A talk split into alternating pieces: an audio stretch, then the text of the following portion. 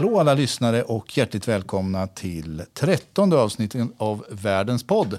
Här sitter vi. Vem är jag med? Pelle Blom sitter här mitt emot. Min parhäst som vanligt. Ehm, du, idag är det bara du och jag.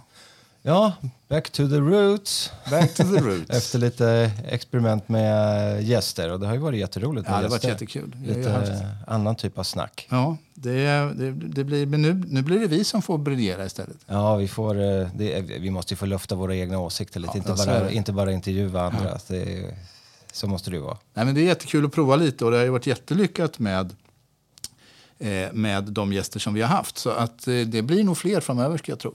Ja, jag har faktiskt rotat lite i en eh, tanke som, som jag gärna vill ha. Men vi kan väl avvakta lite med den. Men eh, det kanske går in lite i vad jag kommer prata lite om idag. Som har med det som är världens podd. Alltså någonting som har med världen att göra och eh, kopplat till det. Ja, det blir mycket resor idag från dig. Mm. Och mig blir det Jaguarer och det blir eh, andra bilar också som går jättefort. ja, precis. Det låter bra. Ja. Men du, vi drar väl igång? Ja, jag tycker det. Det finns ingen idé att avvakta längre. Och dagens första ämne det står jag för. Det blir som sagt bilar och det blir snabba bilar, det blir racerbilar. Jag tänkte jag skulle prata lite om Formel 1. Och eh, som jag är intresserad av. Formel 1 genomgår, känns det som, någon sorts eh, förnyelseprocess. För dels så är det så att det, det känns som att det är nya, nya tittare har kommit till mycket. Alltså förr så var vi ju mest nördar som satt och tittade på det där, åtminstone i min generation. Men nu tycker jag alla människor tittar på, på Formel 1. Eh, Mina, mina syskonbarn som är 18 och 15 och tittar båda två. Och min syrra och hennes familj tittar. Och det är lite ibland intressant att fundera på liksom, varför blev det så här? Är det lättare att kolla också? Eller? Alltså är det alltså rent tv-mässigt rättigheter? Och Ja, vilka det kan ju vara så, men det är ganska länge som det har gått på Viaplay. I och för sig i, i, i Sverige. Va? Men det känns som att Formel 1 har blivit lite inne och flashigt. Eh, och jag, jag, jag funderar, alltså, dels så har vi den här eh, fantastiska talangen Lewis Hamilton som ju då är sjufaldig världsmästare. Han är ju, delar ju första platsen där med, med Michael Schumacher. Han är ju liksom både eh, något av en eh, modeikon och också en aktivist som, som väl många tror jag, unga ser upp till. Så det kan ju vara eh, ett skäl till att det sker någon sorts liksom, generationsväxling här. Akt, aktivist, hur? Nej, men mycket mänskliga rättigheter och såna här saker som, han, som han kämpar för. Va? Kul, Mm. roligt. Ja. Och sen har vi en ung kille, en annan britt, Lando Norris, som är liksom väldigt rolig och kommunikativ. Och väldigt, han är väldigt, väldigt liksom aktiv där unga finns. Och det kan också vara en sån där person tror jag, som drar en ny generation till sig. Så, så bara en reflektion så att det är kul tycker jag att det sker en sån här förändring och det är säkert jättebra för sporten också att den liksom breddar sig och att det inte bara är gamla gubbar som jag som tittar. Sen har vi ett nytt reglemente också i Formel 1 från det här året. Det var meningen att det skulle, skulle ha ändrats redan förra året men på grund av pandemin då så, så blev det försenat ett år. Och det är väl egentligen två saker som det här nya reglementet syftar till. Dels så att det ska bli jämnare mellan teamen och att det ska bli bättre racing. För det har ju varit ett återkommande problem i Formel 1 att det har varit så förutsägbart. Det har liksom, Mercedes som har varit bäst under många år, de har ju liksom vunnit sju av åtta förartitlar de senaste åtta åren. Och, eh, det, tittar man liksom över de senaste 20 åren så är det egentligen bara tre team, eh, Mercedes, Red Bull och Ferrari som har liksom varit med längst upp och konkurrerat. Och det, det blir lite tråkigt när det är så. Ja, verkligen. Och mm, Formel 1 har ju också varit väldigt mycket anklagat för att vara en, en materi- materialsport. Så. Och tittar man på de summor som läggs utan de stora stallen så förstår man ju att det faktiskt har varit på det sättet. Så nu har man ju sänkt budgettaket också. Det är fortfarande mucho dinero kan jag säga. Det är, budgettaket är sänkt, sänkt nu till 1,3 miljarder kronor. Eh, Hur ska de klara sig? Tidigare de största stallen de la ju över 2 miljarder på, på, på sin F1-satsning. En halv miljard bara på däck. Ja, typ, typ så är det. Sen så, så har ju också Eh, sporten varit mycket anklagad för, för tråkig racing. Och det här har inte mycket i samband med att det, det sätt som man har byggt bilarna på. Man har jobbat med någonting som kallas för downforce som man alltså får fram genom att man bygger vingar och spoilers på det sättet att bilen trycks väldigt hårt mot backen så att man därmed kan köra snabbt i kurvor. Nackdelen med det här har ju varit att det skapats väldigt, väldigt mycket turbulens. Så att när man kommer bakom en bil så, så förlorar man nästan liksom körförmågan på bilen när man kommer nära bilen framför. Så det har inte gått att köra om. Va? Oj då. Så det har ju liksom blivit race på karavan, eller karavan mer eller mindre. Så att så man har startat, alltså, med, alltså inte bara, men det, det, det, har varit väldigt mycket så att det har varit svårt att köra om. För man har tappat 70-80 procent av sin, av sin så kallade downforce när man har kommit nära bilen framför. Va? Jag har aldrig hört någonting om. Det låter ju galet Ja, så, faktiskt. så har det varit. Så det här har man ju då gjort om och man arbetar istället med någonting idag som kallas för ground effect. Det är också en sorts downforce. Men istället för de här vingarna och spoilers som fortfarande finns men inte på det sättet som tidigare så använder man sig av tunnlar i golvet som gör att bilen då via vakuum pressas neråt. Så att man får en liknande effekt fast man får inte den här turbulensen. Förlåt. Eh, så att det som har hänt nu det är väldigt tydligt från den här säsongen att eh, man har inte de här problemen med turbulens. Så att nu blir det plötsligt mycket omkörning och har ju blivit mycket roligare racing. Så man har ju verkligen lyckats med det här. Dock har det blivit en lustig bieffekt på den här ground, force, eh, ground effect-tekniken. Och det är någonting som kallas för porpoising. Eh, eh, porpoises är namnet för tumlare på... Jag vet inte om du har hört om det här? Nej, tumlare nej. På, på engelska. Och att man kallar då eh, effekten för porpoising, det ska, det ska jag förklara. Det har att göra med att den här, den här ehm, tekniken med, de här, med det här vakuumet det gör att bilarna sugs ju väldigt långt ner mot backen. Men när de kör som allra snabbast då kan bilarna suga så långt ner så att eh, de tappar effekten.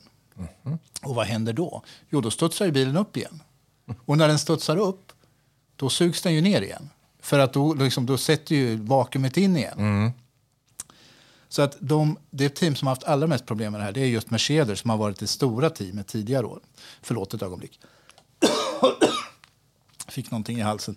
Får dricka lite vatten som jag har här. Det var ju alldeles utmärkt att jag faktiskt hade tagit in lite vatten i, i studion. Sådär. Jo, vad var var vi? Jo, vi pratade om att bilarna de, de sugs ner och så tappar de den här, det här vakuumet så, så de liksom studsar upp igen och så sugs de ner. Och i 320 km i timmen, vad händer då? Jo, de studsar ju upp och ner snabbt, snabbt, snabbt, snabbt, snabbt. snabbt så så att det som har, framförallt har hänt Mercedes det är att när de kommer på rakerna i över 300 km i timmen då studsar Lewis Hamilton fram så här. Och tappar effekt. Då, Och, alltså. och tappar effekt och framförallt så blir det ju väldigt, väldigt svårt att köra. Va?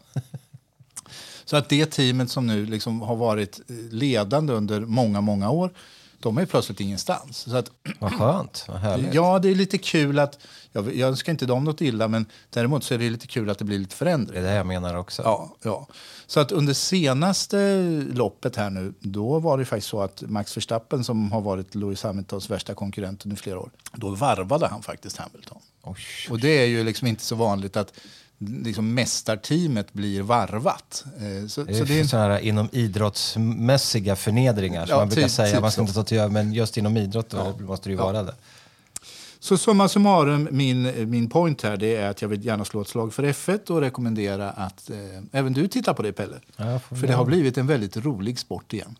Men är det, är det många olika segrare då också? Eller? Ja, det har ju varit så. I och för sig, det, det, har ju, det är ju Ferrari som, som nu har stuckit upp tillsammans med Red Bull och blivit väldigt bra. Så det är ju de här teamen igen. Mm. Men det är ändå liksom en omkastning, en mix i, eh, i eh, hur det ser ut. Inte riktigt lika förutsägbart. Alltså, Inte riktigt lika förutsägbart. Ja. Ferrari, Italien där. Och så kan man roa sig med att titta på porpoising. Ja, det måste man in och kolla bara på det. Det är ju helt klart. Det får du göra. Det låter roligt. Ja. Jag, eh, ja, vi var inne lite på det, att det är lite fokus resor idag. Det är ju, vi har ju sagt det om den här podden att vi ska komma in på olika länder och jag har ju pratat mycket om samma länder hela tiden. Men jag tänkte prata lite bara om Italien idag. Lite grann. Det är kul. Det är ju, Det gillar jag med. det är ju lite mitt... Eh, alltså Irland har ni hört mig prata om mycket och det är ett favoritland. Men Italien är ju liksom det andra Det är ett regnigt och ett soligt land. Liksom mm. sådär, kan man säga. Ja. Ett med öl och ett med mer vin. Ja, ja. Man kan göra massa motsäg mm. motsägelser där. Men mm. Italien och, och det är det här, varför fastnar man för olika saker? Det är ju hela tiden där folk fastnar för olika länder där, mm. utav någon anledning. Och så satt jag då här uh, i veckan och funderade på liksom, var, var, varför Italien? Men igen, någonstans tror jag att det började med, som det ofta har gjort i mitt liv, med fotboll. Mm. Förstås. Förstås, ja.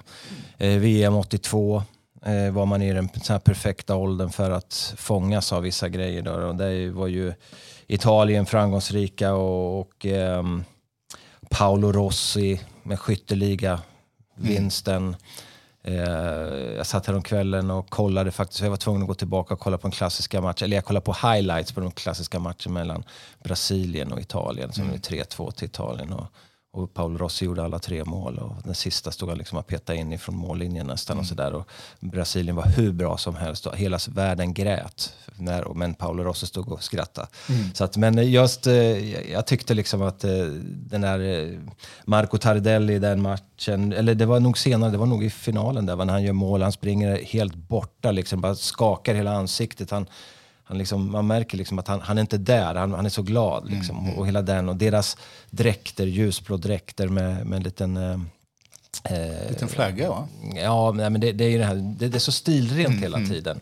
Vita byxorna och, och, och, blåa, inte ljusblå utan men ändå en ljus mörkblå färg. Liksom. Mm. Och italienare står ju mycket för stil överhuvudtaget och det är någonting också som jag fastnar för. Men just den här fotbollen där eh, var ju liksom det som var nog porten in till Italien. Och, och man började titta på italiensk fotboll senare också med ligafotboll där Italien dominerade innan Premier League drog igång. Mm, så var mm. Italien kanske det starkaste då. Och då hängde man ju med mycket där. Och mycket var ju just det här att de hade, alltså var coola frisyrer, det var liksom, eh, alltså mycket yta som jag gillade. Samtidigt mm. som de är otroligt skickliga spelare i folk har blivit galna på deras defensiv till exempel. De har alltid varit skickliga i defensiven. Liksom, de har helt eget sätt att spela på. Men, och sen liksom var det vinna de här eh, matcherna på det sättet. Så att, eh, på, på, ett väldigt, eh, ibland cyniskt sätt egentligen då. Men ändå på något sätt så, så eh, har man gillat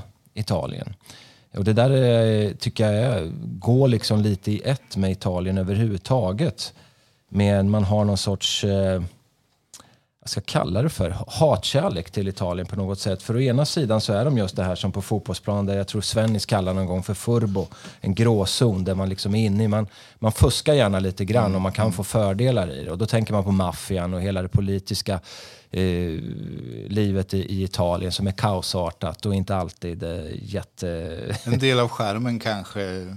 Ja, alltså egentligen är det hemskt med maffia och politisk mm, kaos mm. där det liksom aldrig en regering egentligen kan få, få, få gå hela regeringstiden ut. Mm, mm. men, men ändå på något sätt så förlåter man italienarna. Jag vet mm. inte riktigt vad det är för någonting. Då. Så det är ju...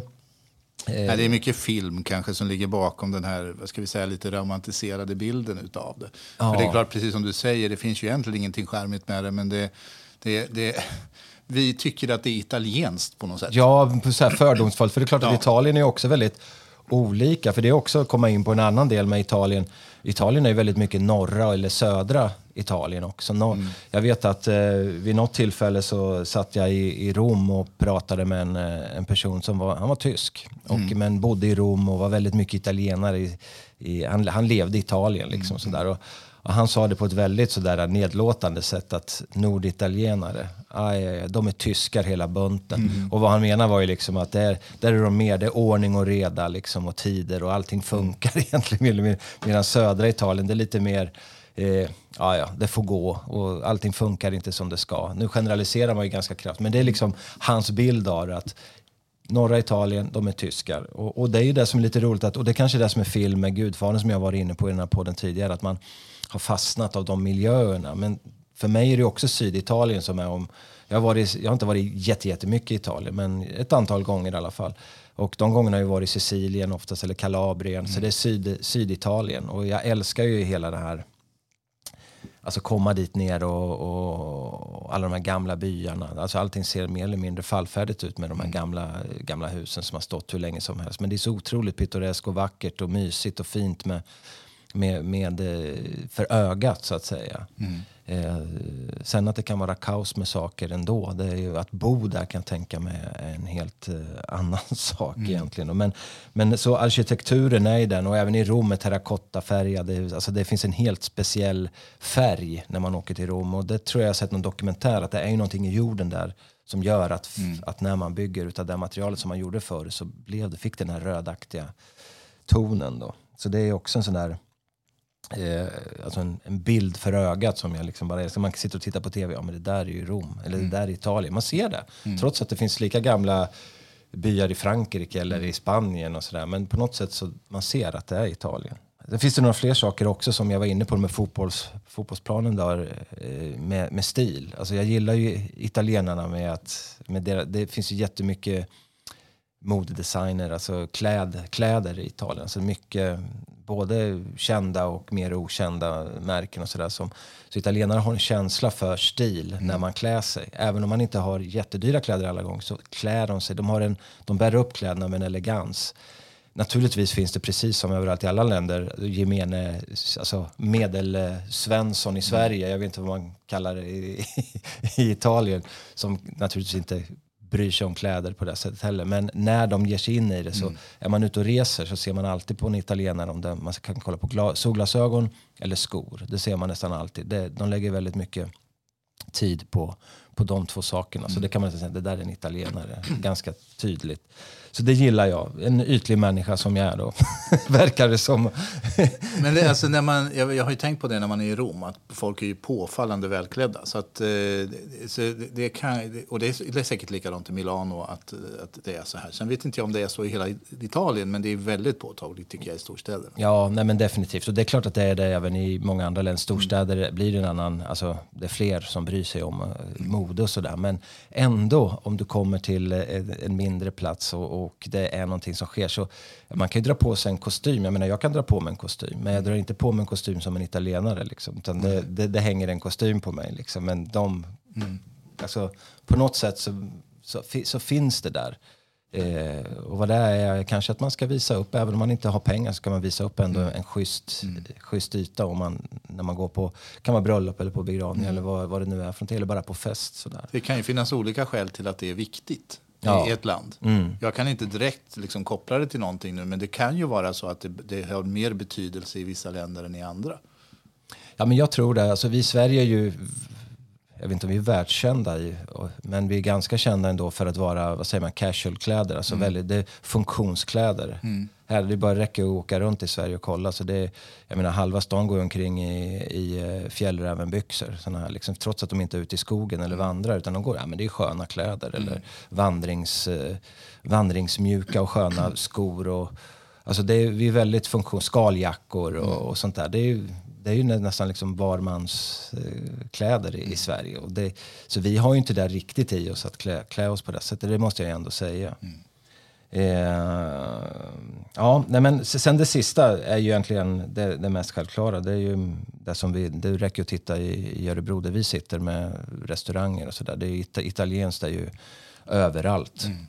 Ja, det har blivit väldigt stort. Ja, på gott och ont naturligtvis. Mm. Men det, och det är ofta så pizza och pasta. Ja, jag skulle säga det. Frågan är ju hur italienskt det är. Det är klart ja. att både pizza och pasta är liksom italienska företeelser. Men det blir ju en sorts italiensk snabbmat kan man ju på sätt och vis säga. Absolut. Och tittar man, tittar man på matprogram från Italien där eh, liksom, man åker ut lite mer på landet så är det ju, de äter ju en hel del inälvor och mm. sådana här saker. Och mycket, alltså kött som, som jag då som inte äter knappt kött så mycket äckligt också naturligtvis. Men, men mycket blir ju den här fokusen som du säger på de här enklare rätterna. Man går in på en mm. liten trattoria och mm. bara slänger i sig en, en eh, pasta. Och de här råvarorna som mm. aldrig några konstiga blandningar. Inga, det, ska inte all, ska nästan aldrig vara någon touch av chili som det är i, i Sverige jämt. Mm. Det ska alltid vara en liten touch av chili. För det är visst så som det ska vara. Eh, men råvarorna, det, det tror jag är liksom grunden för det. Och, och sen naturligtvis har de då med drycker och sånt där mm. också. Då. Det är inte så mycket öl som det är på Irland utan det är mer vin. De har god öl. Om, framförallt när det är varmt. Men det är deras öl som det är skapat för det förstås. Ja fast det är roligt för att det finns ju, det har ju uppstått, alltså den yngre generationen i Italien har ju också börjat göra öl. Men till viss del har jag ju också sett på några dokumentärer att när man då gör öl, då gör man ölen som man gör vin. Alltså man gör dem på lite större flaskor mm. och man hela proceduren är som att man gör vin, men man gör öl. Mm. Förstår du vad jag menar? Så ja, kulturen ja. finns fortfarande kvar, hur man producerar det. Men det, men det blir i slutändan en öl istället. Då. Mm. Så, att, mm. så det är lite kul. Och det blir ju återigen med design, eh, alltså man tittar på det, det är ofta väldigt vackra flaskor och, och liksom mm. själva produkten är fin också. Jag, jag, jag går igång på sånt, ja. återigen, jag säger det. Så, nej men så Italien är verkligen ett, eh, ett favoritland och jag, många svenskar köper ju hus i Spanien numera. Och, även om jag sett att det är väldigt många som även är i, i Italien och rotar runt och sådär. Mm. Men jag skulle kunna tänka mig om jag hade ekonomi för att mm. faktiskt att investera i någonting i Italien och kunna mm. tillbringa längre tider där för att se den känslan hur det är. Det är inte säkert att man blir lika glad då för mm. när man får känna på djupet hur det är att leva i ett, i ett samhälle som inte alltid fungerar hundraprocentigt. Men det gör inte Sverige heller numera. Jag förstår dig Pelle. Jag är ju väldigt liksom, kopplad till Spanien och kan ju nästan känna mig lite halvspansk ibland. Men eh, jag förstår det där med Italien och dig Pelle. Du känns lite italiensk på något sätt så jag tror du passar där. Jag vet ju. Eh, ja, min dröm var ju att bli lite proffs, eller bli lite proffs, bli proffs i mm, Italien mm. när jag var yngre. Då. Men av, en gång har jag avgjort mot ett italienskt lag som heter Torino mm, i en match. Och, och jag var hade längre hår och var mer med örhängen och grejer som man fick ha på den tiden. Mm. De italienarna själva var vid den tidpunkten. Mm. Så att, det, det kändes som att imagemässigt så passade jag perfekt. Sen mm. kanske jag inte räckte till på planen riktigt. Men vem bryr sig om det? Ja.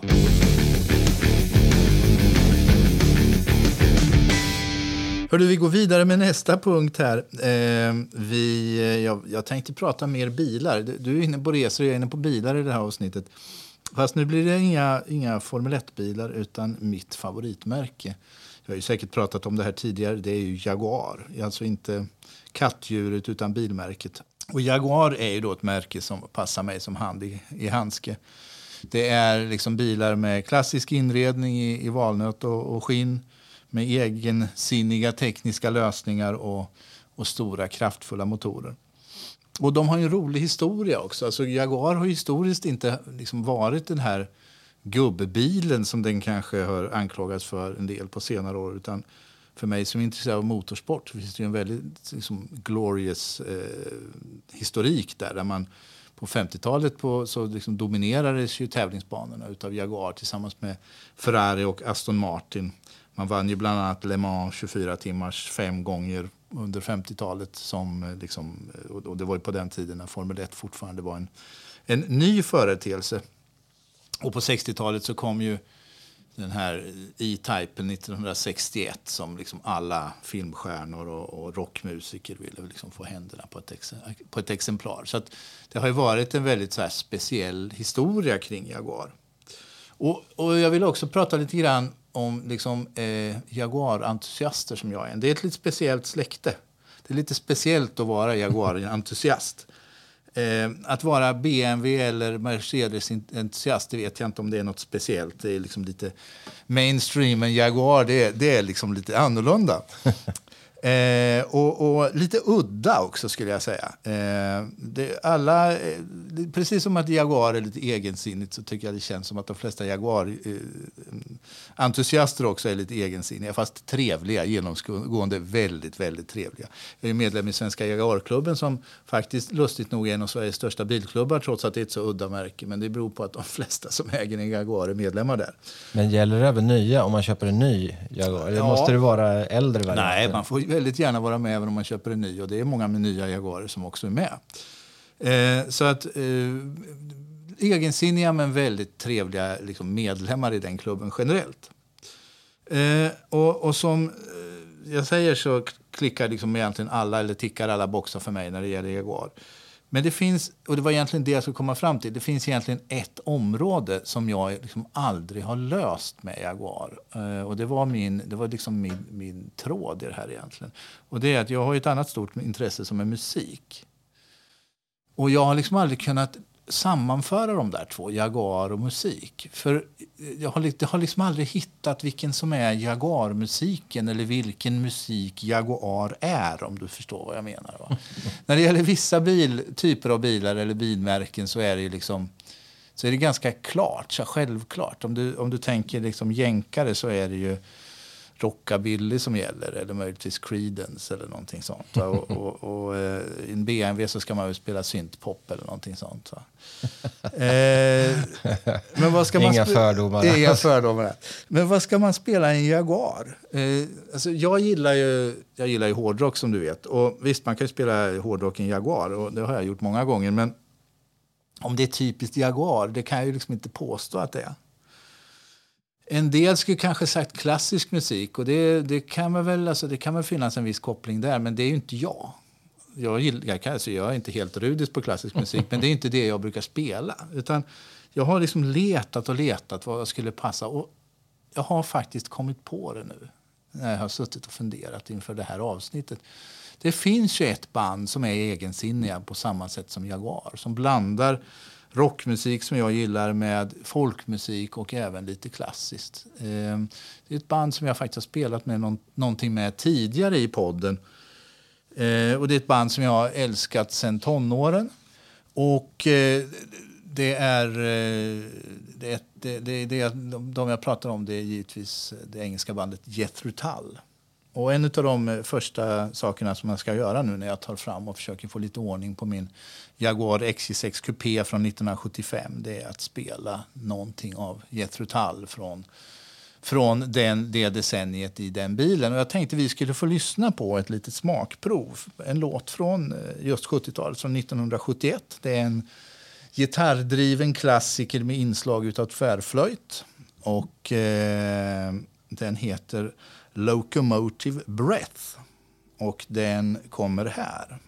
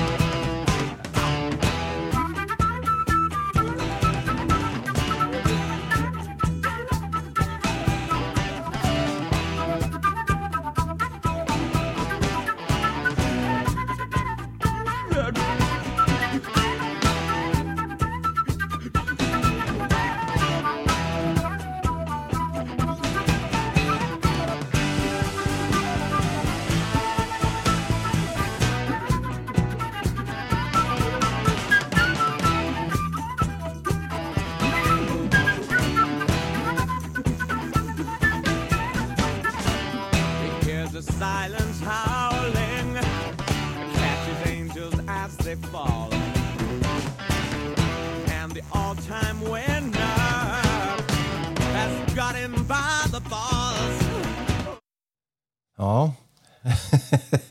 det var din uh, låt där. Hård, hårdrock. Ja, tycker du det var hårdrock?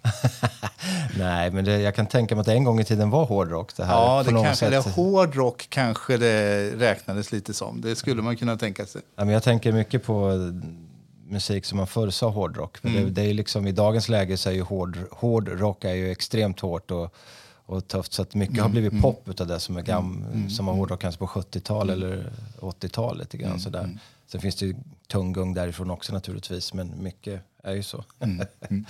ja, ja, men det ser man. Det är där man ska spela i en Jaguar Det är det man ska spela i en Jaguar. Ja, härligt.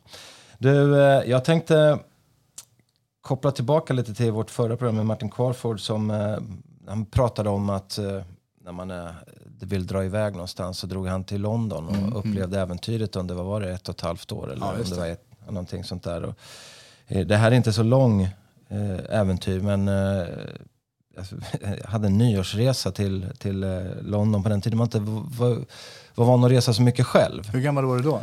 Jag vet inte men jag bör ha varit runt omkring 17 kanske. 17-18 ja. kanske skulle jag tro. Eh, alltså, jag, mest så hade jag ju rest fram till dess med mina föräldrar till Kanarieöarna oftast. Får mm. Och sen på bilresor nere i Europa när man var yngre och sådär. Men mm.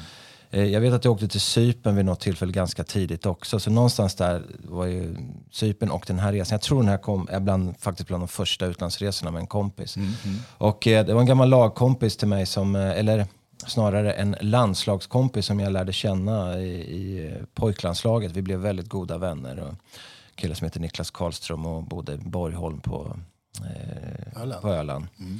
Och eh, han eh, var och är spontan kille. Mm. Eh, så att jag vet att jag satt hemma i lägenheten i, här i Örebro och bodde hemma hos mamma och han ringde. Du, jag har fixat världens resa här till, eh, till London i, nu under nyår och sådär. Och ja. jag bara, ja men vad roligt och sådär. Och så drog han iväg. Ja, men det vet jag. Och så, så sa han priset. Mm. Jag kommer ihåg att på den tiden, för mig, jag tjänade inte några pengar där Nej. knappt. Det var väldigt mycket pengar, kändes det som då. Liksom. Men, men han sa, ja men du vet det är allting inkluderat. Det är mm. inga konstigheter. Det blir skitbra det här. Det är klart vi ska åka. Och så, ja men okej, vi gör väl det. 80-tal? Ja, precis. Och jag bara, ja men för tusan, vi, vi kör. Och, och så kom då den här dagen då, då vi skulle dra iväg. Och, och eh, då var det ju båtarna ifrån Göteborg. Ja, ni åkte båt? Ja, ja. dit åkte vi mm. båt. Vi flög hem. Mm. Eh, men i alla fall så, båtresan över, det var väl som det är båtresor. Det var lite mm. partaj och sådär. Det hände väl inte något jättemycket så, men det var, det var roligt. Man var ute på tur. Sen när vi kommer fram då till, eh, till London så visar det sig att han hade inte bokat något hotell. Yes. Svindyrt men han hade inte bokat något hotell. Eh, men hans bror och en kompis hade ju också bokat till den här resan. Så, att, eh, så de hade ju något hotellrum som mm. han tyckte, vi, vi kollar på det hotellet och ser om det finns några platser mm. nyår. Mm. Tror du att det finns någonting? Att, det är smart tänkt. Mm. Han hade lurat mig med andra ord. Ah, ja. Men hur som helst, jag menar man är i den åldern så det, man får väl lösa saker som, mm. som det gör. Så, de bodde på ett hotell som jag var inne och kollade, det måste Regent Palace Hotel vid Piccadilly Circus. Så det, är ett klassiskt, ja, men ja. var ett klassiskt hotell tror jag som många svenskar bodde på på den tiden när man åkte på sådana här fotbollsresor och sådär. Eh, jag var tvungen att gå in och kolla på det som sagt och det visade, det, det, visade, det finns inte längre utan eh, det, det lades ner. Det, var, det en klassiskt från 1915. Eh, hotellet då var eh, största hotellet i Europa när de öppnade på Oj. den tidpunkten. Då, som över tusen personer som jobbade där. Och, mm. och väldigt fint hus. Eh, och, och det förklaras att jag, om jag fattar det rätt nu när jag läser så var det själva huset K-märkt numera.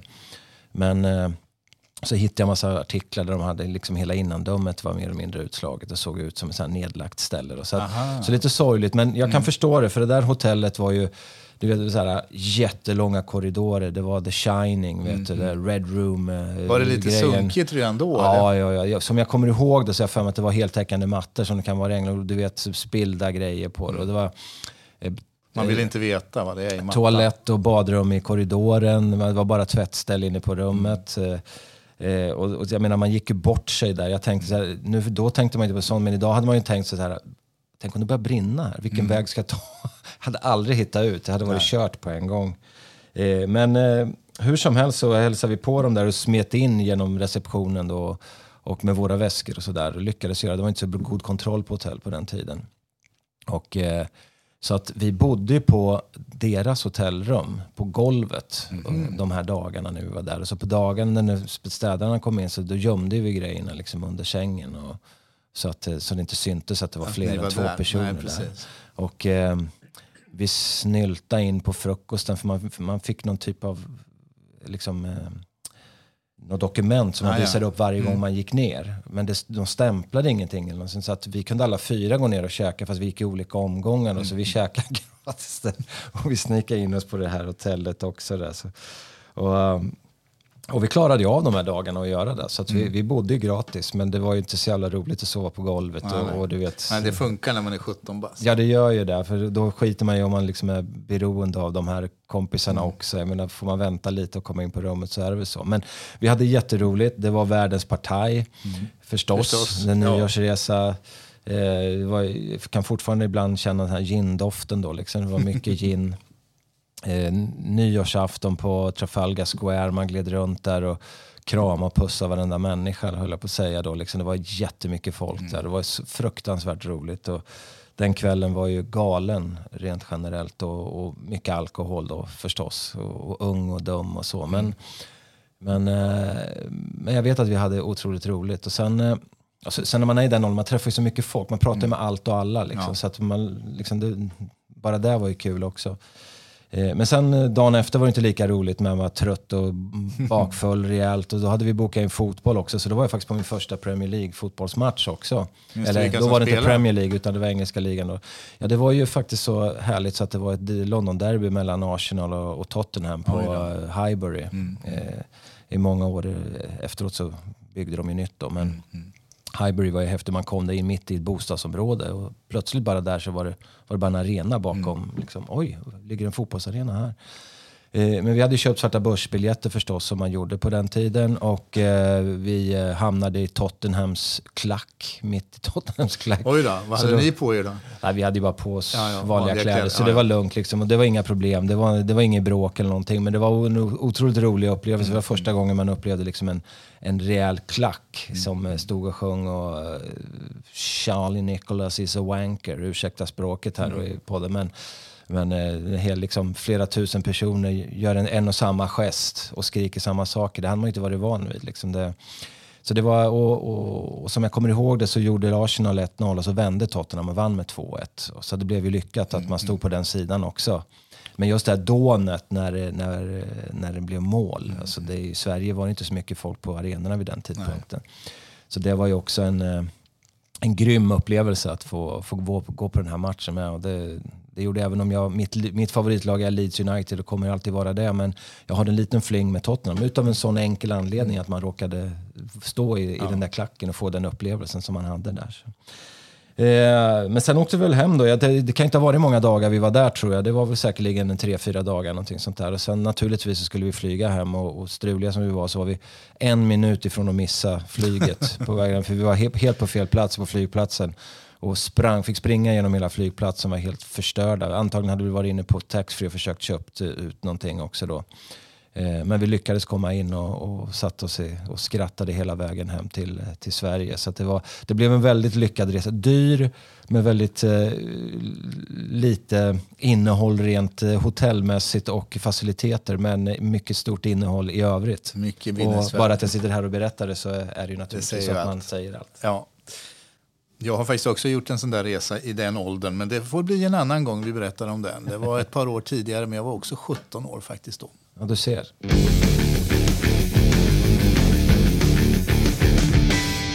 Du, eh, nästa ämne här, det, blir, det var meningen att det skulle bli en anekdot när jag började planera för den här. Men sen började jag tveka. Eh, den slutade visserligen bra, den här händelsen som som det, här, som det här handlar om. Men den är liksom förknippad med så mycket omdömeslöst beteende att det nästan kändes lite fel att skoja om den här. eh, och jag kommer tillbaka sen till vad det var som hände. Eh, så det jag tänkte att man istället kunde prata lite om det är eh, den här händelsen utifrån ett perspektiv av att eh, ta, få ta mycket ansvar i unga år. Eh, och inte minst hur mycket som skulle kunna ha hänt men som liksom aldrig hände. Ehm, för att arbeta som resledare på den här tiden, jag var inte mer än drygt 20 när jag började, det, det var liksom något av ett äventyr. Och eh, just att tvingas att ta så där mycket ansvar som vi fick göra med minimala förberedelser ska man väl säga också. Det, det, det blir ju liksom danande måste jag säga. Alltså, jag påbörjade en reseledarskola i Stockholm eh, när jag var 22 år. Men redan efter eh, två månader var det väl tror jag så, så frågade de på någon lektion om det var någon som liksom kunde åka ner med 48 timmars varsel och vem sträckte upp handen i luften genast och det gjorde jag. Um, så att jag gjorde mina första två säsonger eh, på Lanzarote. Och sen fick jag mitt första jobb som platschef. Och eh, det här var ju för fritidsresors räkning då. Jag fick liksom min egen ö att ta ansvar för och det var Fuerteventura. Det är ju inte ett av deras största resmål. Vi var väl fem, sex personer som jobbade där. Och vi hade några hundra gäster. Men vi skulle ju liksom ta hand om allt. Mm. Det, var ju liksom, det var ju ankomster och det var avresor och det var liksom transfers av gäster. Och de skulle planeras och det var utflykter som skulle köras över hela ön. Och det var flygförseningar som skulle tas hand om och det var hotellbokningar och det skulle vara betalningar. Och det var liksom olyckor som skedde och det var sjukdomar och det var klagomål. Och det där skulle vi liksom ta hand om. Mm. Och vi hade ju egentligen ingen typ av backup och vi hade väldigt så begränsad utbildning. Alla ni som var där? Alltså. Alla vi som var där. Eh, och jag var typ 23 och, mm. och skulle vara chef. Liksom. eh, för det mesta gick det ju bra och vi klarade ju väldigt mycket just därför att vi ville. Eh, och det är ju som sagt otroligt lärorikt. Eh, men marginalerna var ju väldigt små många gånger och vi var ju som sagt unga och oerfarna. Och det där tar mig osökt tillbaka till den här anekdoten som egentligen är en sedelärande berättelse. Det, den handlar om mitt enda inhopp i Bamseklubben. Som är alltså är den här barnklubben som man hade eller har fortfarande. Och, och det här utspelar sig på Bahia Feliz på Gran Canaria där jag var platschef ett par år senare. Det var 1989. Jag hade väl hunnit bli, ja det borde ha varit 25 år då. Eh, om jag inte minns fel så var det vid juletid. Eh, och vid jul så var det extrem högsäsong på den här tiden och det är, så är det kanske fortfarande. Och framförallt så var det väldigt mycket familjer med barn för att det var ju liksom folk lediga och kunde åka. Och det var ju väldigt hårt gildat också så att det var höga priser och sådär. Det var väldigt, det kunde kosta dubbelt så mycket att åka kring jul som, som veckan mm. innan och så. Och det var som sagt massor av familjer med barn och alla barn ville gå i den här Bamseklubben. Eller snarare alla föräldrar ville att barnen skulle gå i Bamseklubben ja, så att de skulle få lite ledig, ledig tid. Va? Eh, och vi hade ju på den här tiden någon sorts mått ändå för hur, liksom hur många ledare det skulle vara för, för liksom ta hand om barn. Jag tror att det fanns en sån tumregel om att varje Bamseledare skulle inte ha mer än 20 barn. Eh, och det är rätt mycket Jag tänkte säga det, det låter det, rätt mycket ändå att hålla koll på. Det, det, är rätt mycket att hålla på Och det där höll ju i princip aldrig. Eh, och den här eh, julen var liksom situationen dessutom extrem. Va? Vi hade jätteont om folk. Och det var ingen som satte några begränsningar för hur mycket folk man skickade ner heller. Utan man sålde fulla flyg och skickade ner liksom, oavsett. Va? Och det var väl för all del säkert slutsålt sen länge också. Så det fanns liksom inte så mycket att göra. Va? Och jag, en dag så står vi inför att vi har 120 barn inskrivna i Bamseklubben. Och jag tror att vi hade normalt sett tre personer anställda som skulle liksom jobba med barnen som, barn, som ledare. 120 liksom. sa du det? 120 oh. barn. Men nu var det så att eh, jag tror att någon hade sagt upp sig och någon var sjuk. Så vi hade en, en, en ledare och vi hade 120 barn. Och hade det där liksom varit nu, då hade man ställt in. Men det, det, gjorde man liksom inte 1989. Va? Så jag bestämde mig som platschef för att jag får göra en insats här och dra på mig Bamse-uniformen. Så att vi, hade, vi var alltså två ledare på 120 barn och en av oss gjorde sin första dag i Bamseklubben, nämligen jag. Alltså ursäkta, jag måste bara, måste alla som jobbar med barnen på Bamseklubben har Bamsedräkt på sig? Nej, inte sån Bamsedräkt, utan man har... man tänkte har, det måste vara svårjobbat. Ja, ja, nej, inte riktigt så. Vi hade sån också. Ja. Men det hade vi inte på oss då, utan vi hade någon sån t-shirt med Bamse ja, på och liksom shorts och grejer. Men som sagt, vi var alltså två ledare på 120 barn, varav jag då var den ena. Va? Och så vi liksom kliade oss i huvudet och funderade på vad ska vi hitta på nu då? Så vi bestämde oss, tyckte vi var jättelistiga, för att vi vi skulle ha en aktivitet som liksom sysselsätter barnen själva. Så vi kom på den snillrika idén att vi ska ha skattjakt. Så vi släpper alltså lös 120 ungar för att leta skatter på ett område som var typ en halv kvadratkilometer stort med flera hotell och sådär. Va? Och vi försökte ju vara med och liksom hålla reda på dem, men du kan ju tänka dig 120 överförtjusta barn. Va? De bara försvann ju så här åt alla håll. Så vi tappade liksom kontrollen direkt på det här. Va? Och efter avslutad skattjakt så är det dags att räkna in ungarna. Och vi kommer till 119. Oh. En saknas. Dum, dum, dum, dum. Ja. Och föräldrarna ska snart hämta. Liksom. Så eh, min kollega liksom vaktar barnen och jag börjar leta. Så här. Jag letar överallt, hittar ingen unge i sån här Bamse-tröja någonstans. Så, så får jag ett infall, så jag går liksom runt hotell, huvudhotellbyggnaden där. Och på andra sidan så finns liksom infarten från motorvägen. Och så ser jag då en liten figur långt borta. Så, här. så jag liksom går försiktigt fram för att jag liksom inte ska skrämma honom då. Och när jag kommer fram då så vänder han sig om och han ser jätteglad ut och berättar att han kollar på bilar. och så, så, allt går liksom bra. Va? Och vi kommer tillbaka och jag minns inte om föräldrarna har hunnit komma när liksom vi kommer tillbaka igen. Men det, det här var ju liksom ganska svettigt. Vad lycklig du måste vara att du kollar på bilar just. Ja, ja precis. I och för sig. Vilken klok liten unge. Men det är ju en mycket sedelärande berättelse och det är ju sista gången som man tar sig till någonting sånt här i livet. Ja, med tanke på hur det, hur det ser ut med säkerhet mm. idag så mm. går det ju inte ens att vara i närheten av sådana där Nej. frispel. Nej, det gör ju inte det som tur är idag. Men det var lite mer vilda västern förr i resebranschen. Ja, då var det min tur med en liten, eh, apropå gå tillbaka till våra ursprungsavsnitt där med anekdoter. Jag har en liten fotbollsanekdot, inte världens längsta, utan, eh, men jag vill alltså, hoppa tillbaka till Kina igen. Jag skulle mm. kunna ha en, jag funderar på om jag ska ha en Kina-anekdot varje kanske gång här. För det, det hände så mycket där. Som man skulle ja, kunna... om du har en Kina-anekdot varje gång så skulle jag ju kunna ha en Spanien-anekdot. Ja, men precis. Så det är ju, men eh, jag tänkte, när jag var där så för att få spela i den kinesiska ligan vid den tidpunkten, så eh, jag tror det var sista året eller om det var ett år efteråt, så då hade de, man var tvungen att göra tester i Kina, löptester. Mm. För att få spela i den kinesiska ligan, för att visa att man hade kondition. Det var någonting som den kinesiska fotbollsförbundet hade kommit på. Och mm. Missade man det där, om man var kines och spelade, då fick du inte spela på ett helt år. Oj. För att du missade de här löptesterna. Det var ganska hårda bud. Och vi som var där som utländska spelare som skulle göra de här testerna, de, vi, jag tog det liksom lite sådär med en klackspark. Men du vet, när jag väl missade, vi, vi tränar ju i en vecka på mm. det här, på de här olika, jag ska förklara mer. Men eh, när vi missade då vid några moment, då fick man en utskällning. Vet du, för att det mm. var så otroligt viktigt. Det, var ju liksom, det ena var tre kilometers löpning eh, på en viss tid. Jag kommer inte mm. ihåg tiderna det var då. Det var inga jättejobbiga tider, men ändå, jag var ingen jättesnabb löpare på det mm. sättet. Men hur som helst, tre kilometer skulle du springa på en viss tid. Och utifrån den tiden som du fick, så fick du, då skulle du springa så här idiotenlöpningar, alltså mm, 5, 10, 15 fram och tillbaka. Eh, och då beror det på, ju längre du kom på den första, desto lugnare kunde du ta på den här. Och jag hamnade i en medelläge lite grann kan man säga. Så jag fick springa ganska fort på den här andra. Och det var ju hög höjd, så att du vet mjölksyra och andning och sådär, det var inte jättekul.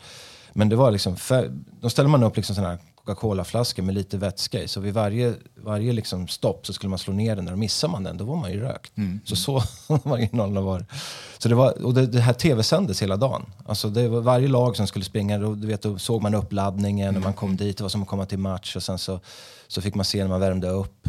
Och sen så var det liksom start med det här laget och så följde man hela löpningen fram till slutet och sen var det mm. intervjuer efteråt. Så det var världens jäkla grej för det här och det sändes över hela Kina. Oj. Så det var en ganska stor pryl. Men jag fattar inte liksom den, att den digniteten på liksom händelsen och hur viktigt det var. Men de förklarar ju om och om igen i alla fall. Men jag klarade det där mm. ganska så lugnt ändå. Och det var den här som sagt idiotenlöpningen som var rätt. Och sista loppet fick jag för mig att jag var tvungen eller berättade om att nu får du dra på lite. Så jag drog på som tusan. Så jag låg som en fisk på torra land efteråt. Jag fick mm. inte luft där på hög det här, det här var i Kunming i, i södra Kina. Och det, mm. liksom, det ligger lite högre upp. Det ligger som på en platå där i alla fall. Eh, och efteråt när alla hade väl klarat sig den här gången, i, gjorde alla. Året innan var det en som hade missat och inte fick spela på ett helt år. Men nu klarade sig alla i alla fall och alla var väldigt lyckliga, både ledare och spelare allihopa. Så efteråt så skulle vi partaja förstås då, så fira det här. Och, och nu sa de en dag ledigt skulle vi få liksom. Mm. Så att vi drog in till Kunming, centrala Kunming på ett hotell där uppe på en sån takbar. Liksom högst upp på hotellet mm. med utsikt över hela Kunming. Jättefint. Och det satt vi och drack öl i princip i sex timmar eller någonting sånt där. Och alla var ju apraka när vi åkte därifrån. Och, och det var en jätterolig kväll. Dag och kväll. Eh, med de här grabbarna. Trots att man inte kunde prata med dem så hade vi väldigt roligt då, i alla fall.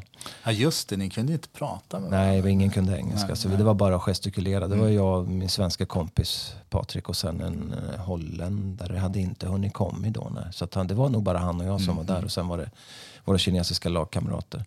Men vi hade jätteroligt i alla fall. Och sen dagen efter så tänkte jag nu får vi sova ut, underbart. Men så visade det sig på morgonen att lagkamraterna har ju bara skojat med en. Liksom. Så att vi hade ju match dagen efter. så vi skulle spela träningsmatch. Och det var så här mitt på dagen, så det var inte på kvällen som man kunde sova ut. Utan det var verkligen någonstans typ två, tre på dagen. Och det var mm. ganska varmt i Kunming vid den tidpunkten. Det var vår, och, men ändå ganska varmt. Och du vet att jag har nog aldrig varit så bakfull på en fotbollsplan. Eh, jag har faktiskt varit det någon gång mer och det kan man erkänna nu för mm. tiden. Mm. det, var, det var sämre förr när det handlade om alkohol och mm, idrott, mm. kan jag säga. Men jag gick omkring där på den här planen, hade sån huvudvärk och mådde så illa. Och du vet, och försökte springa där. Vet du, och man ville ju göra på något sätt intryck där. Liksom. Men det var en hemsk upplevelse.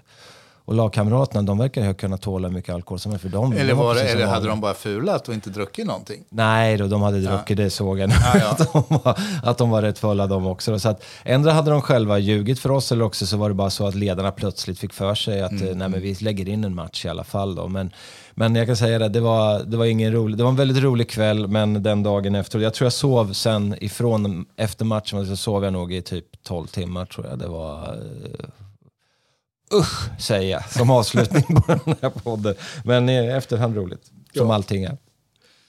Tack Pelle för den. Ehm, då närmar vi oss slutet här. Det var sista inslaget. Ehm, du, vi tackar lyssnarna så mycket. Vi, vi ska väl påminna om vår eh, mejladress också. Va? Mm. Vardenspodd.gmail.com. Eh, världens utan prickar, alltså vardenspodd.gmail.com om ni vill. Och det får ni väldigt gärna komma i kontakt med oss önskemål kanske om ämnen eller om gäster eller någonting annat.